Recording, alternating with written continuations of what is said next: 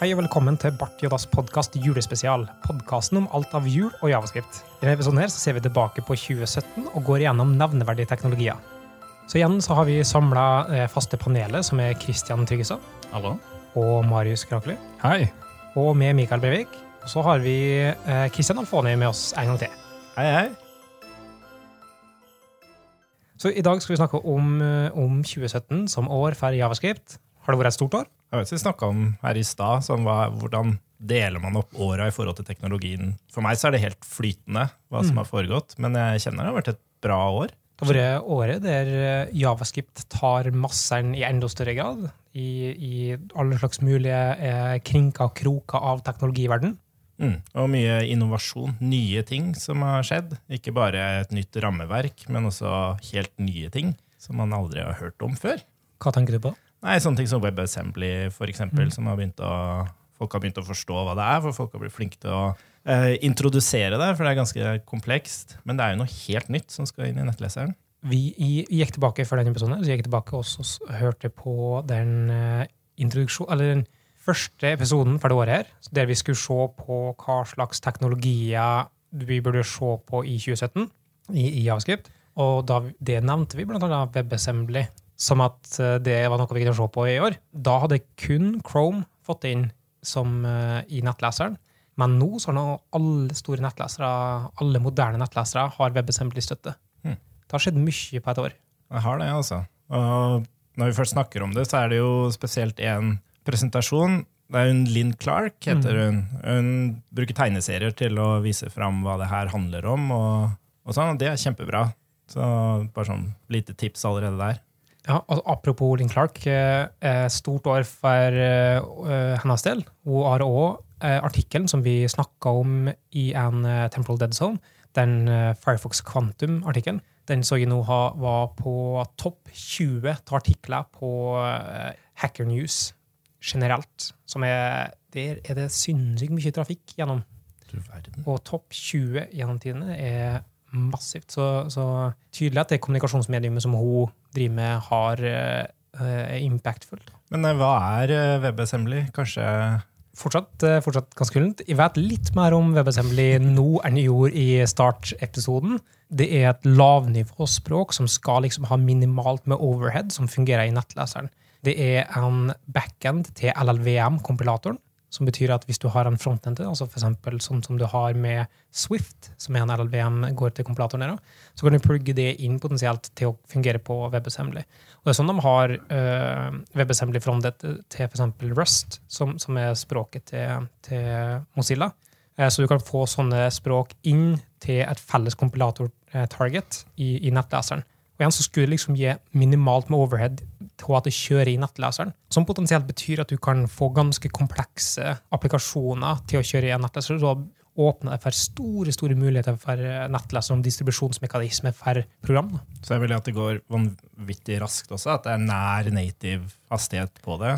Du kan, altså Spillmotorer som har enorme krav til performance, så kan man bruke det her til å gjøre mye artig. Ut ifra det jeg har sett på, så lager du en binary bundle som du overfører til og så kan du laste inn den bundlen i nettleseren. Sånn en, en egen load-mekanisme som du får inn i en ferdig bundla stykke. Litt sånn som en sier en JAR-fil eller en DLL-fil eller tilsvarende. Så, så du kompilerer det på, altså i compile time. Mm. Og så distribuerer jeg ut de bundles eh, ut, og så kan du kjøre dem. Men man skriver det her i et annet språk. Det kan være et annet språk, men teknisk sett kunne det vært javascript som fronten til en LLVM-backen.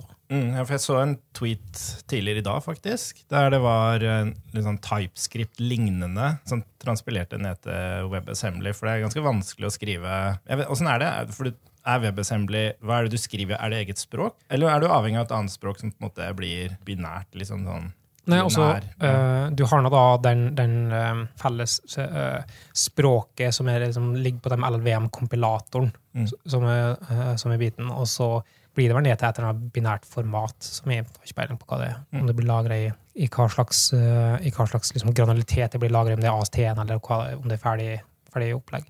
Så lenge du har en LLVM-fronten, så kan du kompilere hva som helst dit. Vi så noen nå som, som tok uh, eh, JS Core, altså javascript-motoren til, nei, til uh, Safari, og outputte den via uh, WebAssembly. Så de kjørte opp uh, javascript Core i javascript Core i, direkte i Safari. Da. Det er litt artig. Kult. Men ser, ser dere for dere å bruke det her til noe? Altså i typisk webapplikasjon? Altså, jeg var i en samtale om WebAssembly for ikke så forferdelig lenge siden, og da den personen jeg prata med, han mente at i og med at du teknisk sett kan skrive hvilket som helst språk, så så han for seg at javascript kom til å bli overflødig. Diskusjonen gikk videre da i at det potens Du var for så vidt med på den diskusjonen, her, Christian. Eh, og diskusjonen eh, pivoterte til å snakke om hva destruktivt det eventuelt kan bli for open source-miljøet. Det som har bestandig vært fordelen til javascript og HTML og CSS, er høyre museklikk, view source. Mm. Alt er bestandig åpent. Du kan se på hva som er. Ser du en effekt, så kan du i teorien Det har blitt vanskeligere og vanskeligere med liksom obfiskert kode, og så videre, men du kan fortsatt i stor grad sjekke ut ok, hvordan dette er gjort. Og det er liksom den ryggmargen der, ryggmargs... Eh, eller backbone, det vel ryggmarg på, engelsk kanskje det, si det? det ligger så innøvd i hele kulturen rundt javascript-utvikling. Og sånn type kan du nå miste hvis du skal begynne å overføre ting i binærformat og i andre bundler som ikke kan få innblikk i. Mm. Du merker det allerede før det her med TypeScript og CoffeeScript. Det er mange som velger å skrive open source-prosjektene sine i disse språka. Og det hindrer folk å bidra fordi de rett og slett ikke har hatt insentivet til å sette seg inn i den syntaksen. Da. Altså Det er så likt javascript som det kan bli, men allikevel så blir det en terskel. da.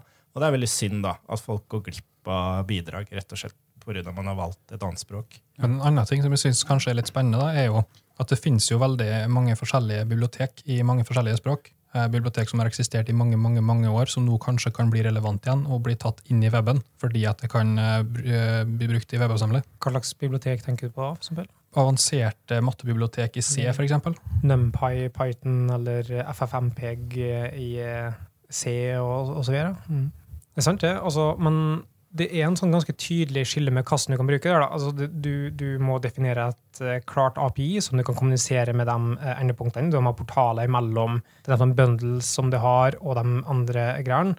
Det er ikke rett fram å bare kommunisere em- imellom sånn interoperability mellom nettlesere og sånne ting.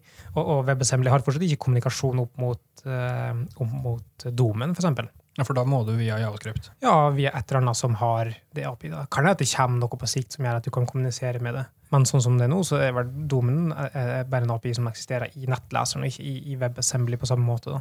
Vi så vel den talken til hun uh... Linn Clark. Ja, tror det var den vi så, var ikke det? Mm. Ja, og da, da nevnte hun jo f.eks. at eh, React kunne ta i bruk utnyttelse av det her da, for å liksom Ja. gjøre, gjøre seg sjøl raskere. og sånn, og da, Jeg frykter jo litt at det kommer til å ødelegge litt av det her du snakka om med høyreklikk og view source og den biten der. Men samtidig, sant, er det Kanskje det er greit? Altså, jeg, vet ikke, det, er en- det, er en sånn, eh, det er en filosofisk side som krangler med en mer pragmatisk side. da. Fordi at egentlig, hvis du view source på React nå, det er en stor kodebase med sånn utrolig avanserte algoritmer som, som samarbeider, og det er ikke enkelt å se hvordan det foregår allerede. Sant? Det er vanskelig å, å greie. Altså, selv om det er open source og du har tilgang på kildekoden, så er det vanskelig å skjønne hva som skjer der, for det er såpass avansert liksom, problemspace det prøver å, å løse. da. Så er, er det forskjell? Er det, er det mer en filosofisk, ideologisk overbevisning, eller er det en faktisk sånn ekte problem? Men er det noe i veien for at javascript kan transpilere ned til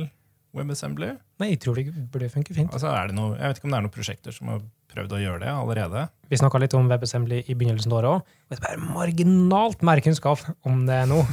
Ikke bare det, men det har jo ikke tatt så voldsomt av i løpet av året. Det er jo som du sier, det har blitt implementert i alle de store browserne, men det er jo ingenting som er laga i WebAssembly enda, i, i, større, i stor grad. Ikke så i vet om, i hvert fall. Nei, det er akkurat det. Fibonacci er implementert. Nei, men eh, Sånne ting som tar mye si, eh, ren kalkulasjoner og CPU-intensive ting, det kunne fint ha vært på en egen shared webworker i WebAssembly, eksempel. Sånn som React da, for å kalkulere og scheduling av outputen av ting.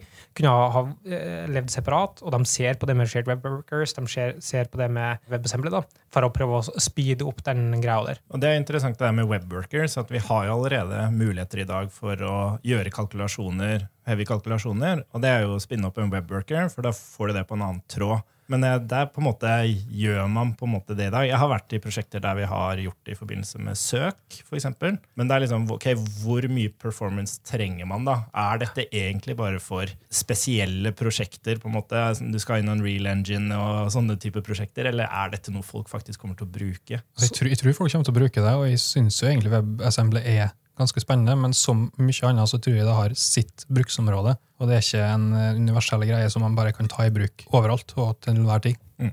Godt sagt. Det kan du si om all teknologi, da. ja, det kan du. Det da. Mm. Takk for Nei, å ta fram kreden. jeg er helt, helt, enig i det. Jeg, vil bare, jeg syns det var så godt sagt at vi kan applye det til alle andre teknologier. Perfekt. Vi var inne på det nå nettopp med, eh, som, som Christian CH eh, snakka om, Alfoni. Heretter Alfoni. Ja. Med at mange open source-prosjekt blir skrevet i det som du kan kalle typed javascript. Og det har blitt mye mer populært nå at du har type definitions på nesten samtlige store open source-prosjekt. Ligger i samme pakke. Tidligere så var det liksom definitively typed, f.eks. For, for, eh, for TypeScript. Uh, der det var en eget repo med uh, 48 forskjellige type definitions som gjorde at uh, Git-repoet krasja for det var for mange mapper osv. Men nå så er det blitt mer vanlig at de type definitions ligger i open source-prosjektet i seg sjøl. Det er fordi det er blitt såpass utbredt. Så 2017 er, som vi òg snakka om i, i, første episode, det har blitt en stor, eh, stor, greie i løpet av året. Det var absolutt noe før, da. Men jeg føler at i, i, liksom, hvis vi ser tilbake på et år nå, så har det blitt mye mer utbredt. Jeg er enig i det, altså. Jeg opplever det på prosjektet jeg holder på med selv også. så er det uh, en ting er Hvis man skriver prosjektet sitt i TypeScript, så får man jo definisjonen automatisk. Så det er jo en kjempefordel. Men vi skriver typedefinisjonene også i prosjektet. Men så Jeg kan ikke TypeScript, men jeg har prøvd å lære meg typedefinisjoner. og sånn, Men jeg er veldig overraska over hvor komplekst man kan gjøre det. Man kan trikse så mye. og Ofte så må man trikse for å få et API som ikke er laga med TypeScript, til å fungere med TypeScript. Så kan det hende at hvis du føler at du må trikse mye på det, betyr det at du har et dårlig API? Nei. Nei, men det gjør ikke jeg. Fordi TypeScript kommer fra et sted. Og sånn som jeg leste gjennom en halv bok nå, TypeScript Pro, og det er ikke noe hemmelighet at det kommer fra en veldig objektorientert approach. Ja. Og så har det på en måte kommet ting etterpå, sånn som jeg har forstått det. da, eh, Funksjonelle ting. Og da, Så lenge du skriver det objektorientert, så fungerer det bare helt strålende. Men hvis man prøver å innovere måten man gjør ting på, og så kan man stille spørsmål da, er det bra eller dårlig. Det, det kan man alltid stille. Men uh, jeg mener at det sperrer litt. da. Den første gangen uh, TypeScript ble forklart for meg, Eh, for en liten stund tilbake, så ble det beskrevet som eh, et hjelpemiddel for at folk som skrev C-sharp, enklere skulle kunne skrive javascript. Ja, men det, det er noe lenge siden det har vært sant. sånn sett da. Jo, men jeg føler jo at det ikke lenger passer helt. Og det har jo blitt så mye i hermetegn mm. Ja, det mener jeg. Altså, den forklaringa der er, er passé for en stund siden. Mm. Uh, så, så har det blitt mye mer uh, som, som, du sier, tatt en litt annen retning, Kristian eh, sier òg. De, de, de, prøver å tilpasse seg eh, ja. andre måter å gjøre ting på. Og der er jo, det som er fint der, da, er at da blir jo ideene validert. Så de tilpasser jo seg de gode API-ene. og så, så Sånn sett så er jo det en positiv ting, men så har du sånn veldig innovative ting da, som da ikke har kjangs i TypeScript-verdenen nå, nå, er vi inne på det som jeg bestandig har følt med forskjell. og Vi har diskutert det her et par ganger i løpet av de to åra som vi nå har holdt på med Partiets podkast. Men det er med TypeScript versus Flow. TypeScript definitivt er fortsatt større enn Flow, men Flow har fått en god del markedsandel. Men akkurat denne biten der er at TypeScript for meg føles ut som det er klasser som er liksom primærfokuset. Mens Flow har et mye mer sånn eh, fluid type system som virker som det kommer mer fra en ML-type verden, som vi er mer forenlig med i tankesettet. da. Det har på en måte litt sånne ting som eh, de ville kalle førsteklasses typer, der du kan operere på typer og hente ut typer til ting for å bygge opp på dem.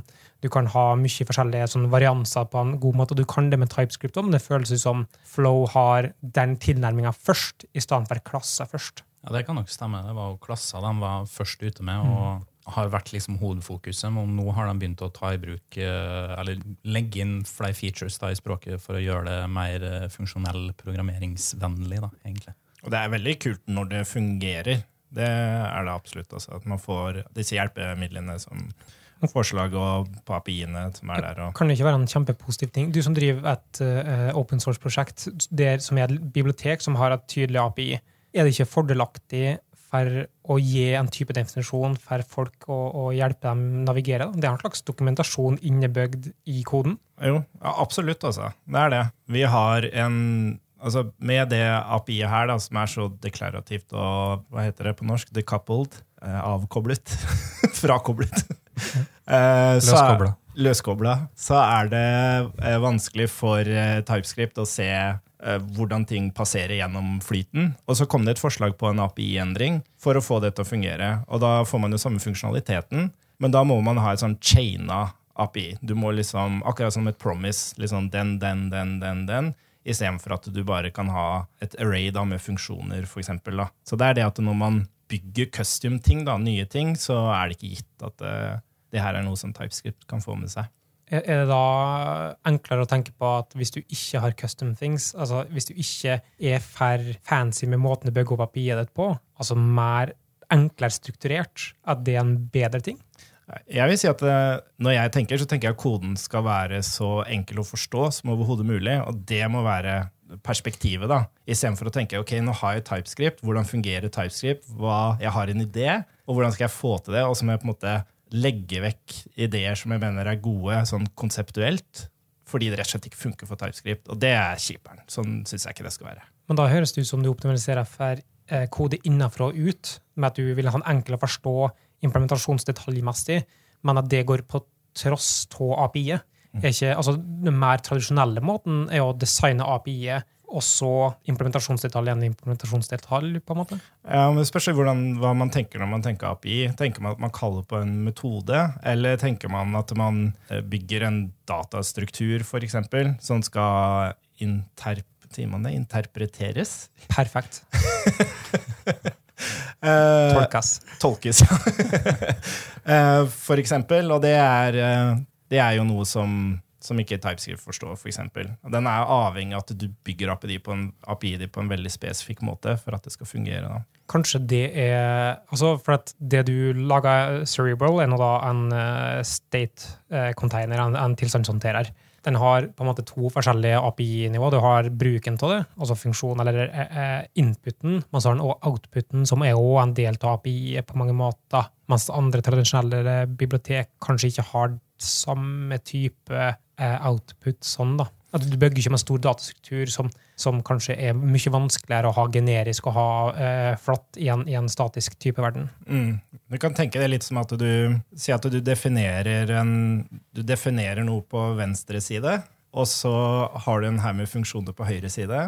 Og det du definerte på venstre side, ønsker du bare å dytte inn i de funksjonene på høyre side. Og den overleveringa av det du definerte på venstre side, og bare dytte det inn på høyre side, det forstår ikke TypeScript. For den vil ha én enkel metode der du har på en måte definert hva som skal komme inn, og så kan den gi deg forslag basert på det. Det må være en forferdelig beskrivelse for deg, Marius, som ikke vet forskjell på venstre og høyre. Jeg hang ikke med. Datt helt av. Nei, men altså, jeg tror det med at du kan få bøndla med i større grad dokumentasjon, mm, kan gi verdi for enkelte bibliotek. Og Det har jeg sett mange snakke om i, i 2016 skulle liksom bli et stort ting i 2017, og jeg, jeg tror det stemmer. Jeg tror vår på en måte prediction eh, Jeg vet ikke hva det blir på norsk. i alle fall. Prediksjon. Ja, bra.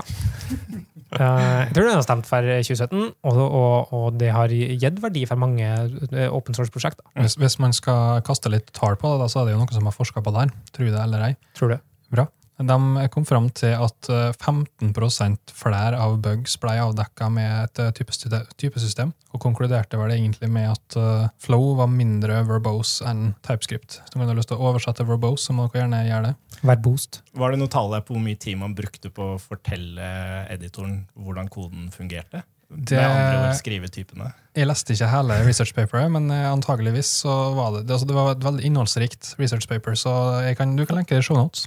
Det kan vi gjøre. Men det er en utrolig utrolig vanskelig ting å forske på. da, fordi at eh, Du forsker ofte på kanskje hvis du hadde fjerna typeren, i motsetning til den vanlige kodebasen, mens du sammenligner ikke med hvis du hadde brukt den innsatsen som du har brukt på typing, til å skrive enhetstester eller til å skrive tester, eller til å dekke opp på en samme måte. Jeg, jeg, har ikke lest det du refererer til, men jeg ser for meg at det er ganske vanskelig å få liksom, realistiske tall på det. Og jeg har lest en del andre ting som også har sagt at statisk typing ikke er med på å redusere mengden bugs i så stor grad som myteren skal tilsi. da. Og så kan en diskutere er 15 kjempemye. Da må se det opp mot hvor mye tid og ressurser som er brukt på det, Og så videre, da. Det hadde jo vært helt fantastisk om TypeScript bare fungerte. Da ser jeg en kjempeverdi i det. Altså Hvis du bare bruker det, og så infererer den alt sammen. Men hva, hva betyr det å bare fungere, da? Nei, At den bare forstår eh, at her er det noe du har definert. Altså, Hvis du har en klasse, så bare forstår den automatisk alt du putter på den klassen. Og hvis du sender den rundt i koden, så vet den at det er den klassen. Og den gjør jo det til en viss grad. I stor grad så gjerne. I stor grad, Men det må være 100 Ja, men, men det, det som er tingen, er at hvis du skriver koden som spiller på lag med en sånn statisk analyserbarhet, så vil den i større grad gjøre det. Men hvis du er, driver med mye sånn computer properties og dynamisk programmering og i sånn mye dynamikkhåndtering, da, så er det ikke mulig å analysere statisk. Det hadde vært fint om den gjorde det for det. Og Mye av utfordringa med TypeScript for min del, første gangen jeg ble introdusert det, var jo det der med å måtte forholde seg til alle de reglene som det innfører. på en måte. Eh, Jeg har alltid likt frihet i Javascript på godt og vondt. Jeg vet ikke hvor mange som har sett eh, den fantastiske serien Lost, men jeg følte meg litt som John Locke, der han eh, Ikke spoil, jeg har ikke sett de siste tre sesongene. Det burde det, men der han utbryter eh, 'ikke fortell meg hva jeg ikke kan gjøre'. Sånn følte jeg det med TypeScript. Jeg føler at du bygde opp den referansen utrolig mye til å måte, kunne vært hva som helst. da. Jeg føler at du bare ville ha inn lastreferansen. Korrekt. Tror du som ikke har sett Lost ennå, burde gjøre det. Jeg hørte at det var dårlig etter sesong tre. La oss ikke diskutere det på denne podkasten. Men jeg er ikke noe sånn, jeg ikke en, det virker veldig negativt til TypeScript. Det er egentlig ikke det. Jeg syns det er en bra ting, og jeg ønsker de fordelene som de gir. Men det er viktig da, at, man, at man ser bakdelene ved det òg. At det er ikke 100% ennå. En ting som vi ikke snakka om i begynnelsen av året, var eh, noe som kanskje har blitt stor trend for mange, og det er CSS i Javascript. Har noen tanker på det? Det har det blitt stort i 2017? Jeg tror folk forstår hva det er nå. For det husker jeg var eh, Jeg vet ikke når i år, eller om det var forrige året, men at det var en sånn I fjor? I fjor, kanskje. men det var det at eh, folk trodde at det var style-attributter. Mm. Det var Javas, eller CSS. Men mange implementasjoner har faktisk style-attributter. Ja, ikke sant? Og, og sånn som i, i Elm, for eksempel, så er det mye som er til inline styles der òg. Mm. Men det var jo det som på en måte endra seg veldig med en del av de bibliotekene som kom i år. Og forklaringen at ok, det, det ser ut som om vi putter det rett på style-attributten, men det, er ikke det som skjer. Syns det virker forferdelig å blande CSS inn i Odassen. Men, altså. men, men hvorfor syns du er forferdelig? Nei, jeg er vel kanskje litt purist og liker at HTML skal være HTML og CSS skal være CSS. Og, ja. Men er ikke Angular blanda liksom en slags adhoc eh, syntaks rett inn i HTML-en? da? Alt er gyldig HTML. Ja, men så poenget med det er at eh, hvis du allerede sånn semantisk sett har bygd et språk oppå der, er det noe forskjell fra å gjøre det samme med CSS-en? Altså hvis du, hvis du ser på det, du har et språk som du har putta opp inn i HTML-en, som ikke er ren markup, men det faktisk har logikk tilknytta seg. Er ikke det nøyaktig det samme som å ha CSS-en knytta opp mot, og bare tenke på det som moduler, i stedet for å tenke på det som altså den klassiske separation of technology istedenfor separation of concern? da? Jo, altså, jeg ser jo, jeg ser jo fordelene med det. Absolutt. Men uh, det er bare et eller annet som eh, Men hva er fordelene med det? Du får, du får bøndla det som har med hverandre å gjøre, i lag. Sånn at du har stilen.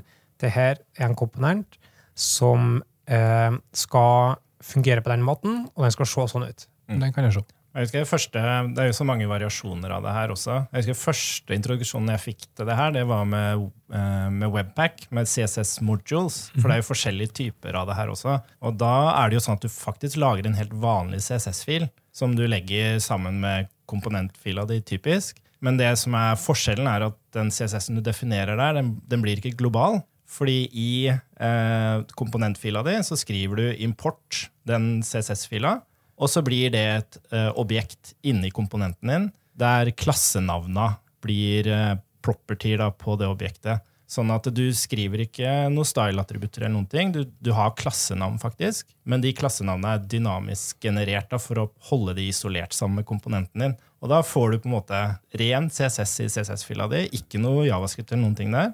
Men for å slippe å på en måte skrive de samme klassenavnene igjen, så får du et ferdig objekt som har de klassenavnene ferdig for deg. da. Og så får du selvfølgelig den isolasjonen som er helt grusomt med CSS generelt. da. Den isolasjonen der hørtes jo veldig lik ut sånn som den er med komponenter i Angular. Ja, det kan jeg tenke meg samme de har der nå. Grunnen til at jeg eh, liksom spør eh, Kristian eh, K, er at jeg, jeg, føler akkurat det samme sjøl. Altså, jeg kjenner bare at noe som byr meg så galt imot å bruke CSS inni her. sånn at jeg bare lurer på hva er grunnen til at vi føler på den måten? Er det, er det liksom hytting, get off my lawn, eh, gammelpersons eh, tankegang? Eller er det legitim eh, bekymring for at nå kommer det nye ting som ikke er så gjennomtenkt? Jeg vet ikke, altså. Jeg har jo litt samme følelsen på JSX òg. Ja. Jeg mener jo at det er feil eh, også.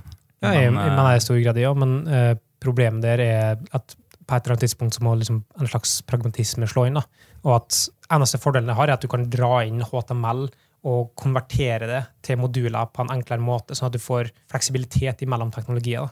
Mm. Men sånn som du snakka om, Alfoni, at eh, du får inn det med moduler. Det er jo det, sånn som vi gjør det nå òg. Mm. Det å få tenke på moduler, tenke på separate, eh, tydelig isolerte med API-moduler som sier ok, dette her har ansvaret for det, og andre ting har ansvaret. Altså det Her finner du testeren, her finner du eh, stylen, her finner du eh, visninger osv. Mm. Og det tror jeg egentlig alle er enige om nå, i hvert fall. Det her med at eh, dette med at du har en modul som er CSS-en din, og så er det heller litt det derre eh, skal du skrive CSS-en din i en CSS-fil eller på en ren CSS-måte? Eller skal du ta det skrittet at du begynner å blande det med faktisk javascript, sånn som f.eks. style components? Mm. Der skriver du det i en javascript-fil, men du bruker sånne template literals. Og der har man jo fått syntax highlighting og sånn til og med for, for, de bibliotekene. Men det som er veldig kraftig der, som jeg liker med det, det er at når du da definerer f.eks. en color property da, i CSS, så kan du da eh, Du skriver helt vanlig color colon, men så kan du putte inn en funksjon der istedenfor. Og den funksjonen får propertyene som er sendt til komponenten. Og så kan du bestemme hvem farge du skal ha i CSS-en din, basert på en property som er sendt til komponenten. Og det syns jeg er utrolig kult. Og det har man, jeg vet ikke om man har det i Angular også? Nei.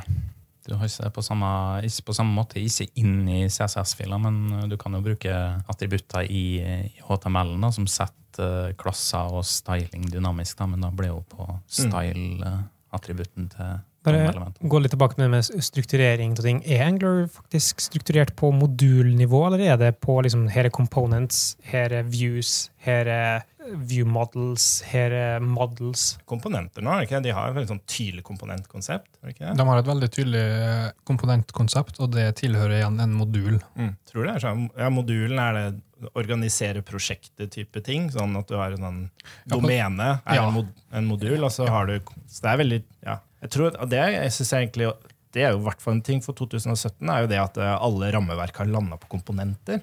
Mm.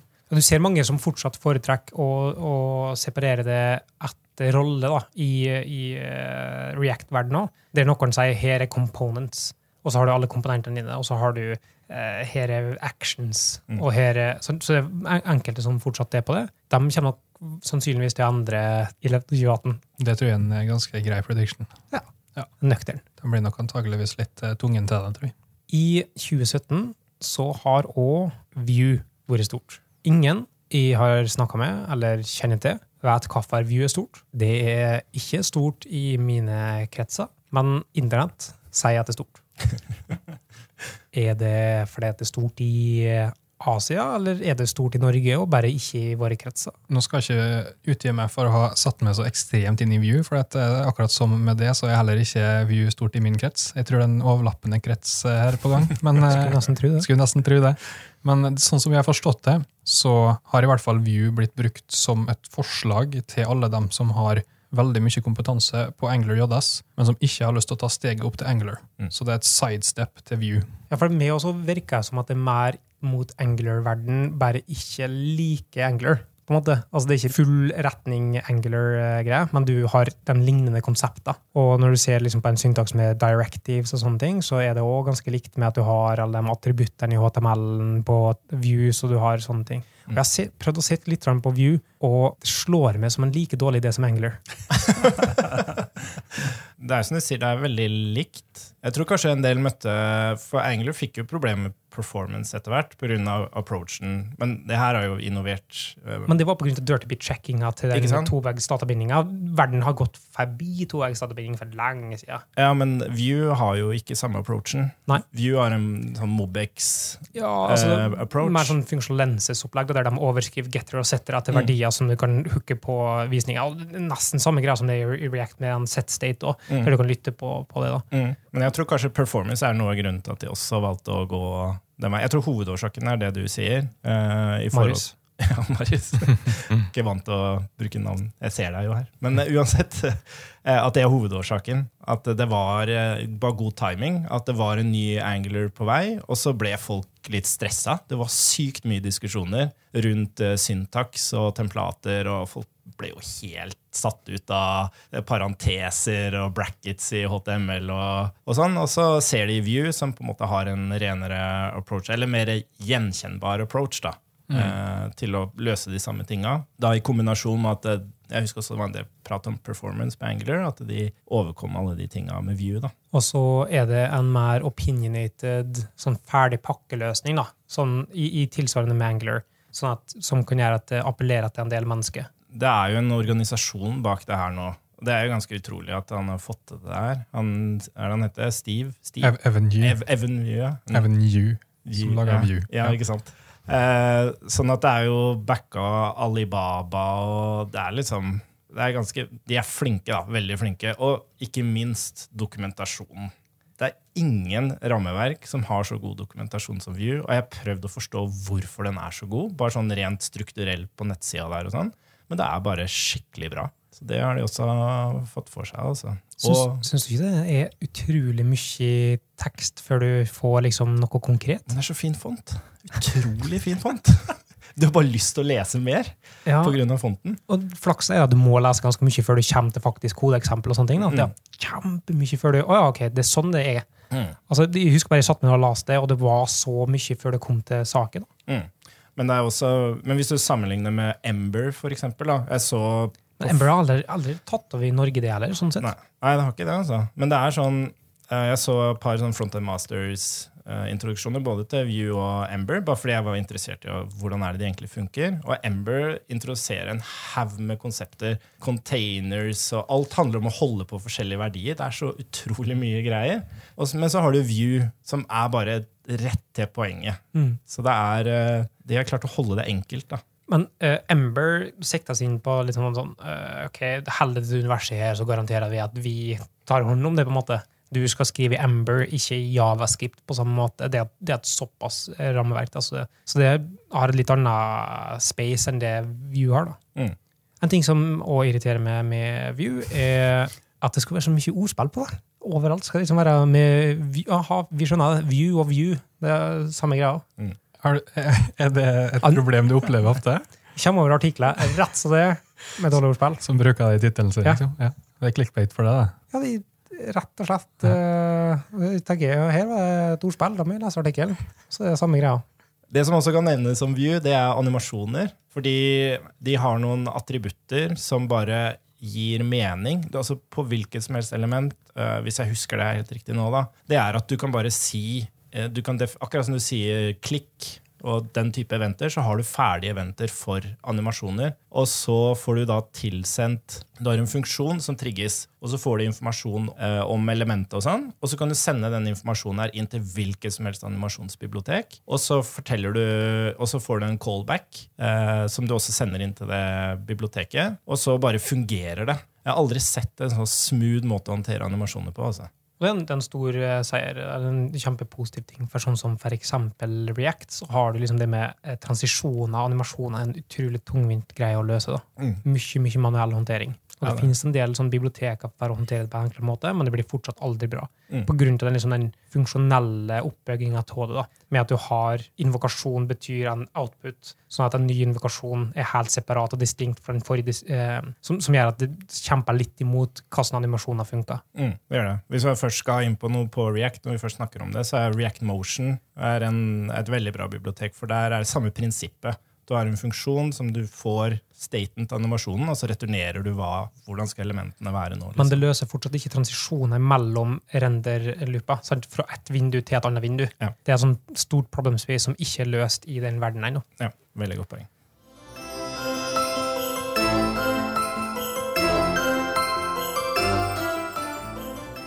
Hva er verktøyet for 2017? Altså, Hva er det største verktøyet? Definer største. Det, det som har endra måten eh, du koder på, på størst måte? Hinter du til Prettier nå? Eller? Yeah. Jeg er helt enig. Det er bare magic. Forandra altså- måten du koda på, eller bare tvinga fram en uh...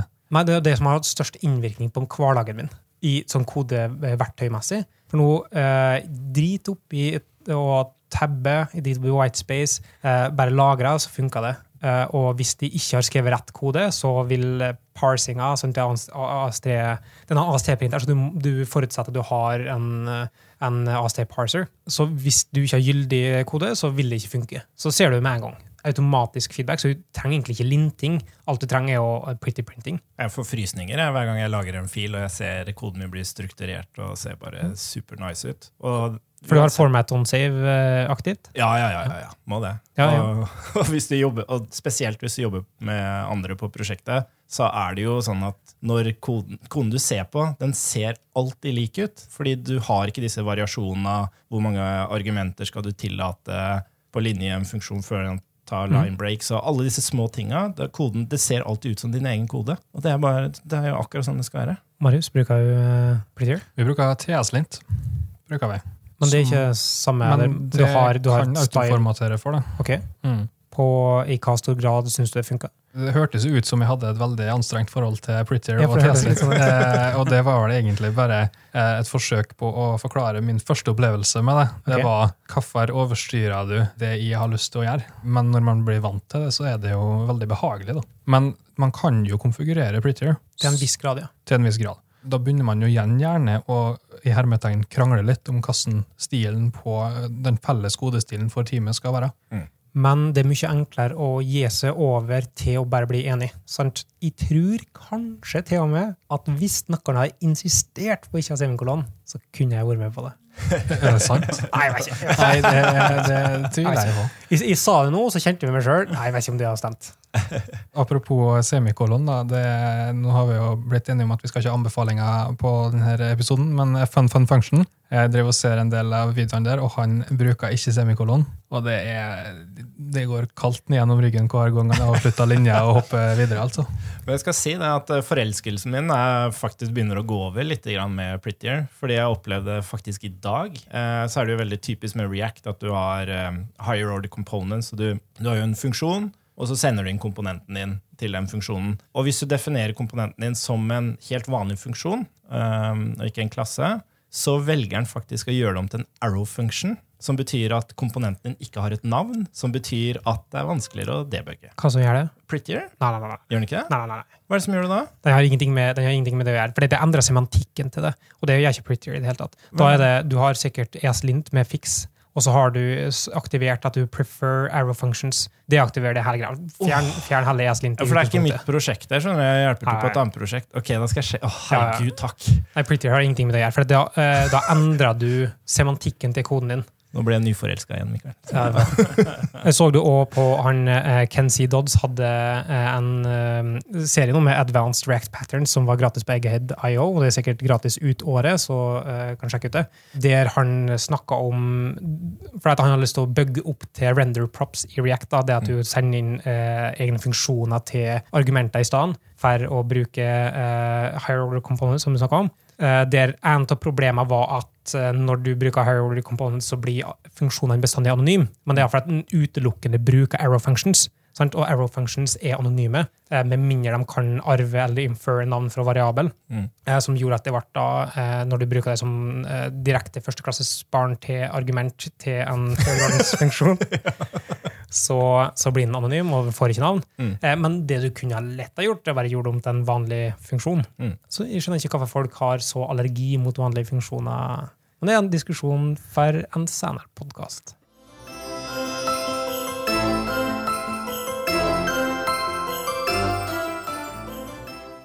En annen ting som vi kan eh, se tilbake på 2017 som, og, og som vi også igjen snakka om liksom, i, i starten av året, men det er det med progressive web apps. Det har gått i løpet av året, gått fra å være en sånn ren Google-greie til å blitt mer allemannseie. Vi snakka om at eh, Safari var den som lå langt bakpå, eller Apple lå langt bakpå. Men en gledelig nyhet i løpet av året så har de starta og de har implementert det hoved-API-et, sjøl om det er sånn throw not implemented exception om, omtrent, som ligger i, i, i bak i den committen. Men i hvert fall den committen med API-et inn i public eh, i, i WebKit er til stede, så de er i gang med å implementere service workers, Mm. som er en viktig del med PVA.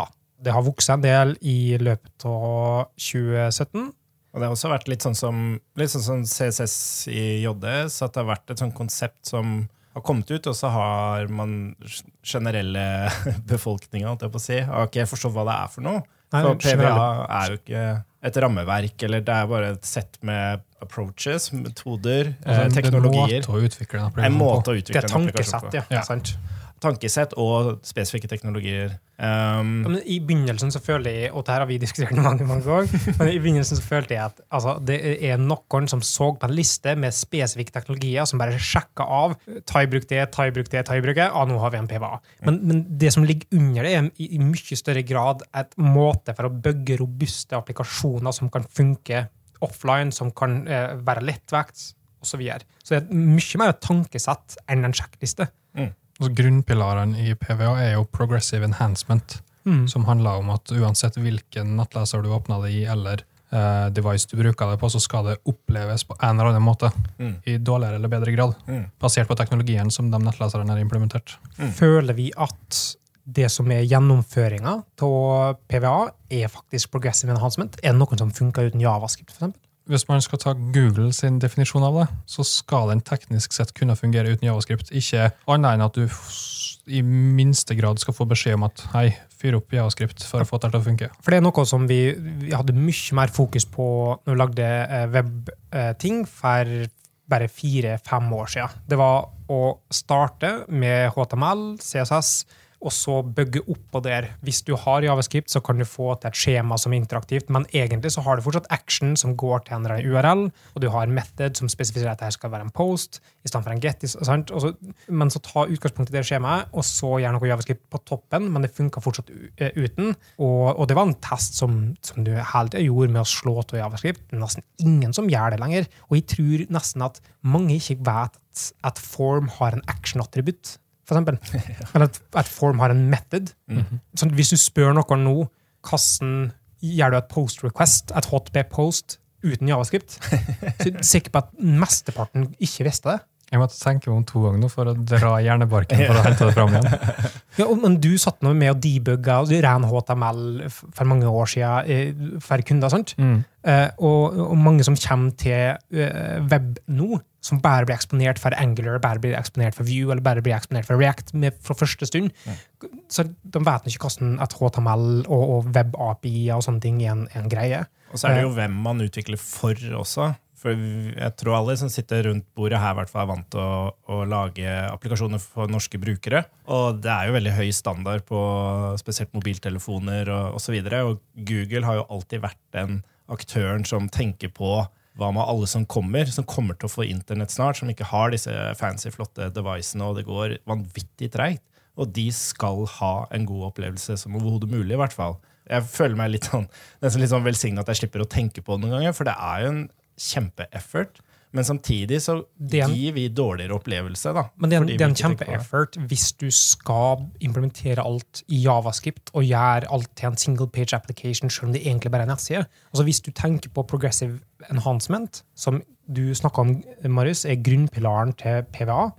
Hvis du tenker på det, så skal du starte på bunnen av og, og bygge oppover og bygge oppover. Og da bruker du history ape, altså da bruker du eh, nettleserens innebygde history, du bruker nettleserens innebygde lenker, du bruker nettleserens innebygde eh, sånn semantiske oppbygging av HTML-en osv. Og, Og det som skjer da, er at når du bruker det, så vil du få i stor stor grad accessibility automatisk, for at du spiller på lag med nettleseren i stedet for å måtte reprodusere det sjøl.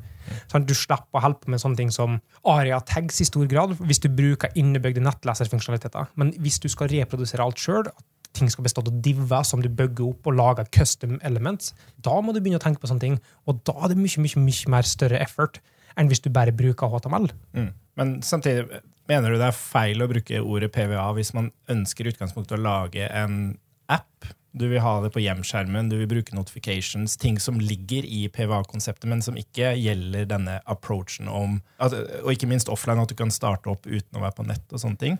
Er det fortsatt en PVA, eller er det bare Altså- bruk av teknologier som tillater det?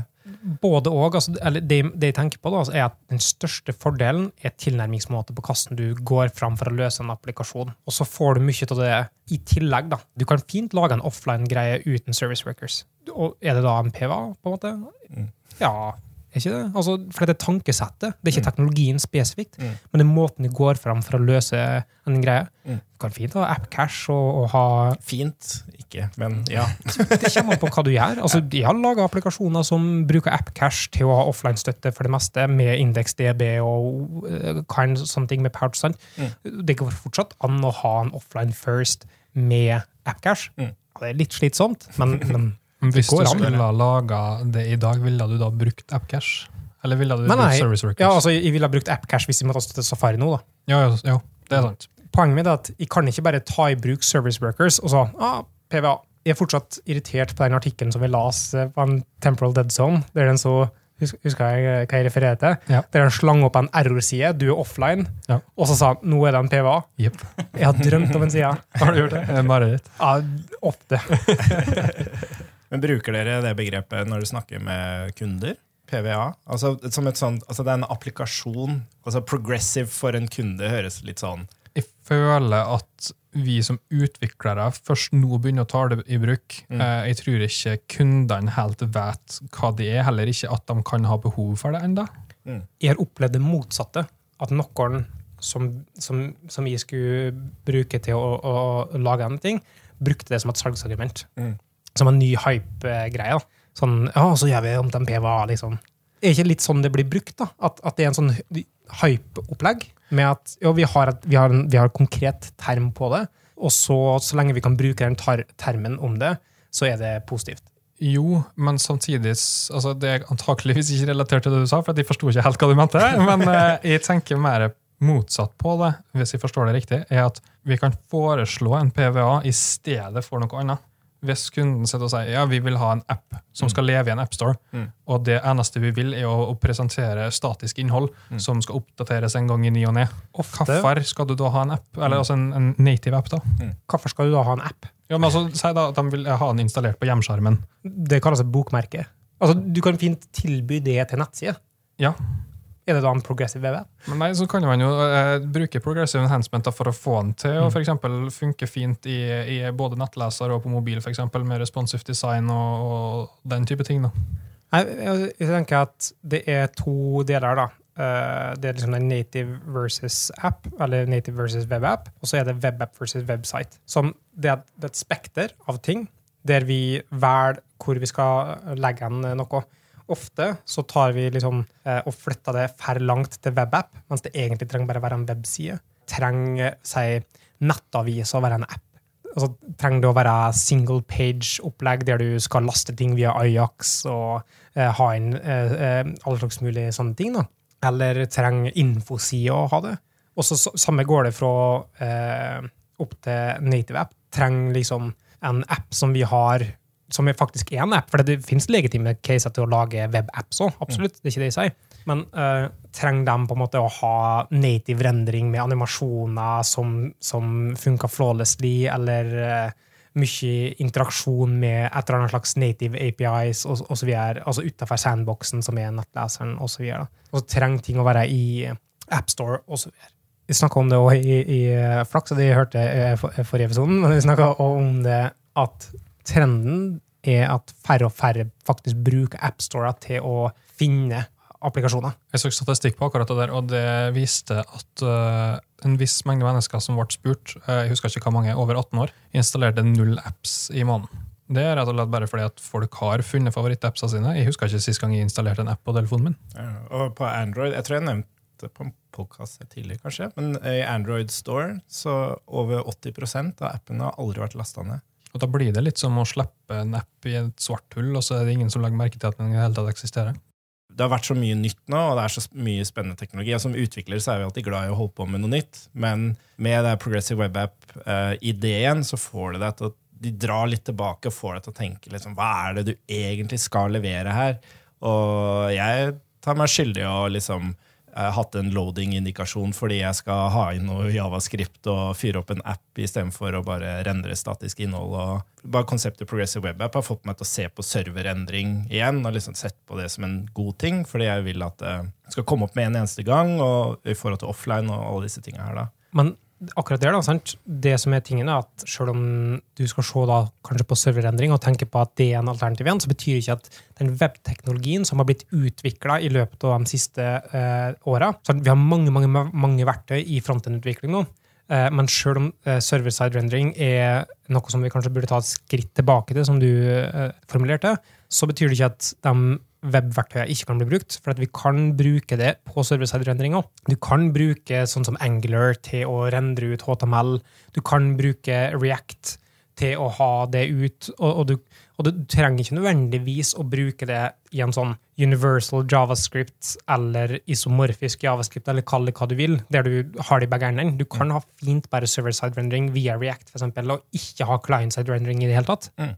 Og du kan fortsatt bruke alle de verktøyene som er spesialisert for utvikling av frontend-kode, men på serveren. Mm. Uh, og det vi har sett også i løpet av 2016, som ble en sånn stor uh, kanskje Mange som reagerte med avsky, nesten. Der du så Netflix gikk vekk fra å rendre client-side uh, React. De tok vekk client-side React-rendringa, men bare brukte det på serversida. Og fant en 50% økning av performance mm. med å gjøre det. Og så var det noen som mente at mange reagerte sånn ah, som kan dere våge å, å si at React er dårlig, og så videre. Mm. Men, men, det er ikke det de sier. De sier bare at det har forskjellige use cases. Mm. Vi har sånn utrolig irriterende greie på hos Ducky, der jeg jobber nå. Der har vi egentlig statiske sider. Eh, som introduserer produkter og sånn, men, det, men det er også andre sider som er mer appete. Og da ønsker man at man skal kunne logge inn eh, via forsida også. Så vi, vi serverendrer da, for å få opp det statiske innholdet, men vi må liksom inn med alt mulig rart da, for å få opp eh, autentisering og for det skal være en sånn supersmooth opplevelse. da. Og det er sånn der, ja, jeg føler Noen ganger så kommer man bare ikke unna det. Og det er kjipt at man skal laste ned en megabyte med javascript bare fordi du skal ha en liten greie. da. Hva med cold splitting? Det, vi har det. Men du må liksom, skal du først, Vi bruker Firebase. da. Først er autentisering, så må du også inn med Firebase, og så er det en eller annen i forbindelse med den komponenten så skal den vise en dato, og så plutselig har du moment inni der, og så har du det gående. Det er helt utrolig. Hva med, Apropos det, har, har det blitt større eh, grad av kompleksitet på javascript-bundling i løpet av 2017? Mer fokus på code-splitting og sånne ting, eller? Det er konkrete konsepter for det. Bare det at du sier code-splitting, det hørte jeg først i 2017, tror jeg. Og gjennom Webpack, da, der de har, og det er jo kommet ny syntaks for det også. Og jeg tror det skal det inn i nettleseren nå. Den er blitt skissert opp i standarden. Ja, så det bare, Du bare bruker samme import, bare at du kaller på den som en funksjon. Mm. Og så gir du Det blir en promise der du returnerer den koden som er ferdig i, i evaluerbar form. Ja, ikke sant? Men det er det som er litt sånn det jeg tenker på med det, er at okay, det, er, det er et veldig bra konsept, men samtidig så er alle disse bundle-delene avhengig av noen basispakker. da. Kanskje. Uh, stort sett så, sånn som React, for eksempel. Da, eller hvis du ja, men Du kan ha en common chunk, og så kan du ha flere andre som ikke er det. Ja, Men du må alltid ha ned common chunken. Men den er jo casha. Jo, jo, men du må fortsatt laste ned. da. Så mm. Du kommer liksom ikke unna Du får ikke isolert. Du trenger ikke laste ned hvis den er casha, men du må parse den, og sånn da, som er en, en kostnad. ja. Mm. Men jeg tenker kanskje det å være med på å hjelpe den progressive web app-tingen, da, det at du splitter opp til forskjellige deler, og så kan du cashe det, og så kan du cashe det lazily, sånn at du trenger ikke å ta altfor mye når du først laster side, og så heller ta det inn etter hvert som du kommer til det. Ja, Og hvis du gjør endring på én side, så gjør det bare endring på den. Og så slapp du å invalidere den cashen, ja. ja. Mm. Men det er jo en historie i seg selv, da. Cashestrategier med all den kompleksiteten med kodesplitting og Vi svett bare du tenker på. Altså. Ja, det blir det, altså. Det er helt utrolig hvor mye man må tenke på nå for å optimalisere og bare sånne småting, bare sånn som jeg nevnte Moment, for eksempel. At du, hvis du skal optimalisere Moment, så må du inn med noe, i hvert fall med Webpack, så må du inn med noe Crazy Regexp og sånne ting. da, Så det er bare det å optimalisere koden sin, da, det er kjempekomplekst. Nå så har det kommet et nytt eh, bibliotek, som der en core contributors, eller core maintainers av Moment har uh, laga et nytt eh, immutabelt datobibliotek. Mm. 2017 er nok det året Moment slutta å være aktuelt. Husker du hva det biblioteket heter? Date functions, tror jeg det heter. Det er et annet. Er det et annet? et? Ja, men det kommer et, et, et nytt der nå nettopp på. Date functions, eh, date FNs, Ja.